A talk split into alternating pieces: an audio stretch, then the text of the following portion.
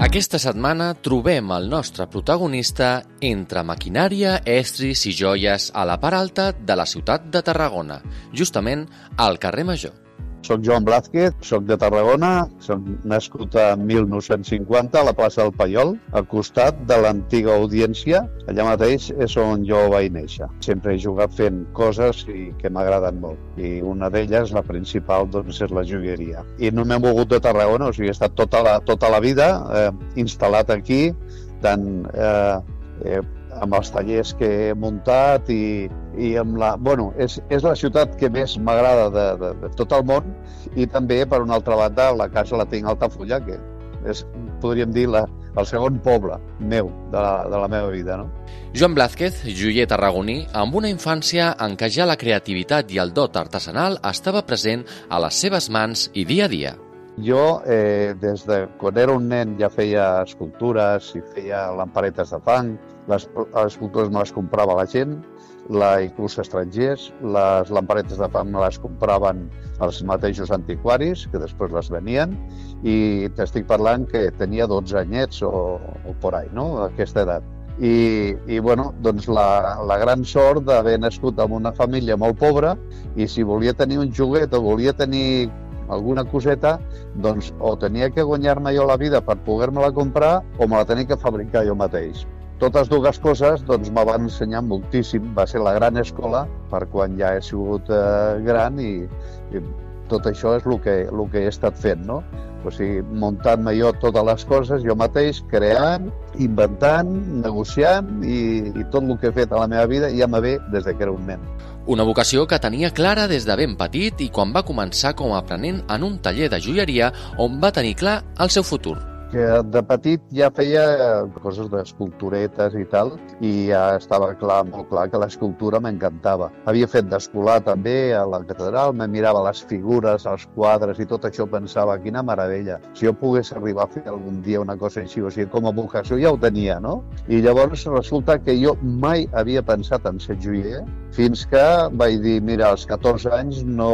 el tema d'estudiar... Estava estudiant per electricista i me vaig donar compte de que jo no, de que allò no, no, no m'agradava i que seria, no sé, que, que, que no seria feliç fent allò, no? I llavors vaig dir, bueno, doncs eh, eh, deixo d'estudiar i, i me busco una feina. I, i, I de casualitat me van dir que havia un taller de joieria que necessitava un aprenent. I dic, doncs bueno, no ho havia pensat mai i, i en canvi no me va sentar malament. Vaig pensar, home, joieria, això, això té gràcia, no? I me presento al taller, me van fer la prova i me, bueno, me van agafar i, i resulta que el primer dia que vaig entrar al taller vaig descobrir ja el meu futur.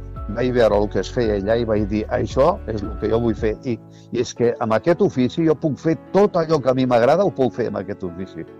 Escultura i joieria, dues disciplines presents en l'art del nostre protagonista, qui de seguida va muntar el seu primer taller per dedicar-se professionalment. Una mica el meu estil, no?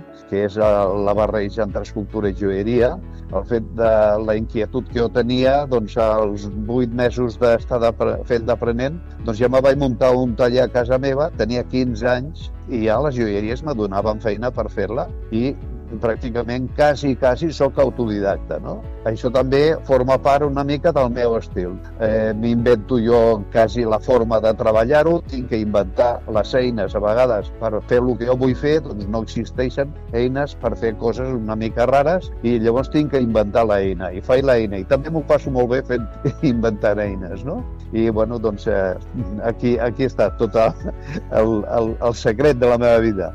Ser autodidacta, el secret del Blázquez en el seu ofici. Em pregunto quina deuria ser la seva primera creació. Ens ho explica. La primera creació va ser quan ja vaig muntar el taller a casa meva, eh, a la casa dels meus pares, amb una habitacioneta, allà me vaig muntar. Resulta que mm, no me vaig conformar en fer-me un anell normal. Ja me vaig fer un anell que era com un segell d'home que s'obria. Però per obrir-lo tenies que moure un resorte que si no t'ho deien no ho sabies. I el vaig portar, que jo encara estava treballant al, al taller on vaig estar aprenent i el vaig ensenyar als oficials que havien allà i tal, mira el que m'he fet. Ostres! Que... I el vaig obrir, el tanco, i me ven i diu, escolta'm, com has fet per obrir-lo? Vull dir que ja, ja tenia una tanca especial, complicada i tal, i, i és, aquest és el, el, diríem, el, que, el meu caràcter, no? De que no m'agraden les coses simples, senzilles, de que m'agrada complicar-les i m'agrada fer-les, eh, jo que sé, que, que tinguin algo més molta invenció, com eh, enginyeria, molt d'ofici, perquè són coses que no són fàcils de muntar. Ja va ser així el, el meu primer anell. A més, un joier pioner a la ciutat que va canviar la concepció en el món de la joia jo era molt pioner, que avui en dia ja hi ha molta creació i tothom inventa, tothom dissenya i tal. Les joieries en general estaven venent l'escapulari, molt la medalla de l'amor, la medalla de la madre i coses d'aquestes. Jo vaig trencar completament, vaig dir no, no, no, intenta fer una joia intemporal, sortir de la moda, de lo que s'estigui portant de moda, fora. O sigui, coses creatives, coses artístiques i si se fa alguna sèrie, sèries molt curtes, eh? que no sigui una cosa de que massiva que la té tothom, no? perquè compleixen la missió que té complir, que és de d'envellir la persona, deixar que, que, que quedi bonic, que te dongui un, un caràcter, un toque. Les joies que vaig dissenyar fa 30-40 anys, doncs encara les estic venent a la botiga avui en dia i la gent les veu com una novetat.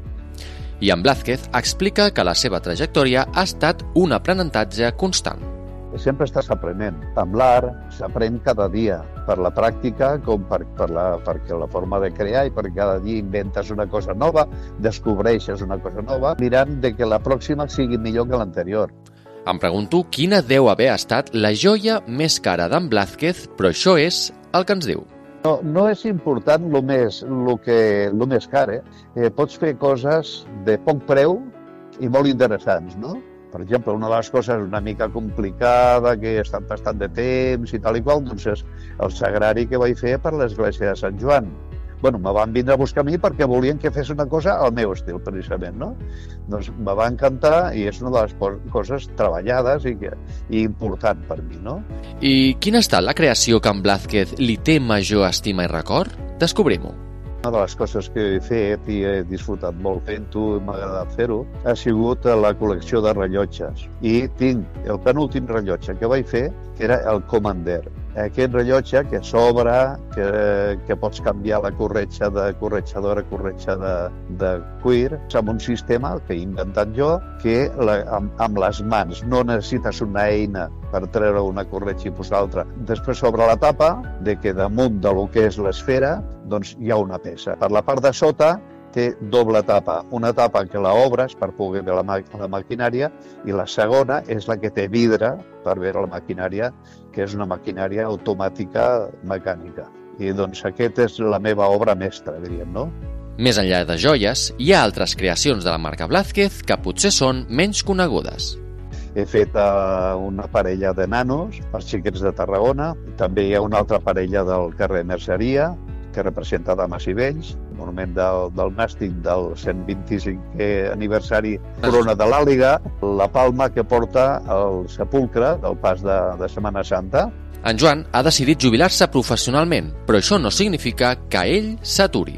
Eh, seguir jugant, encara que, per exemple, en plan de, de jubilat, doncs no estaré treballant per la botiga i tal, estaré treballant per fer coses per mi o per fer-li un regal a algú de la família, per lo que sigui, no?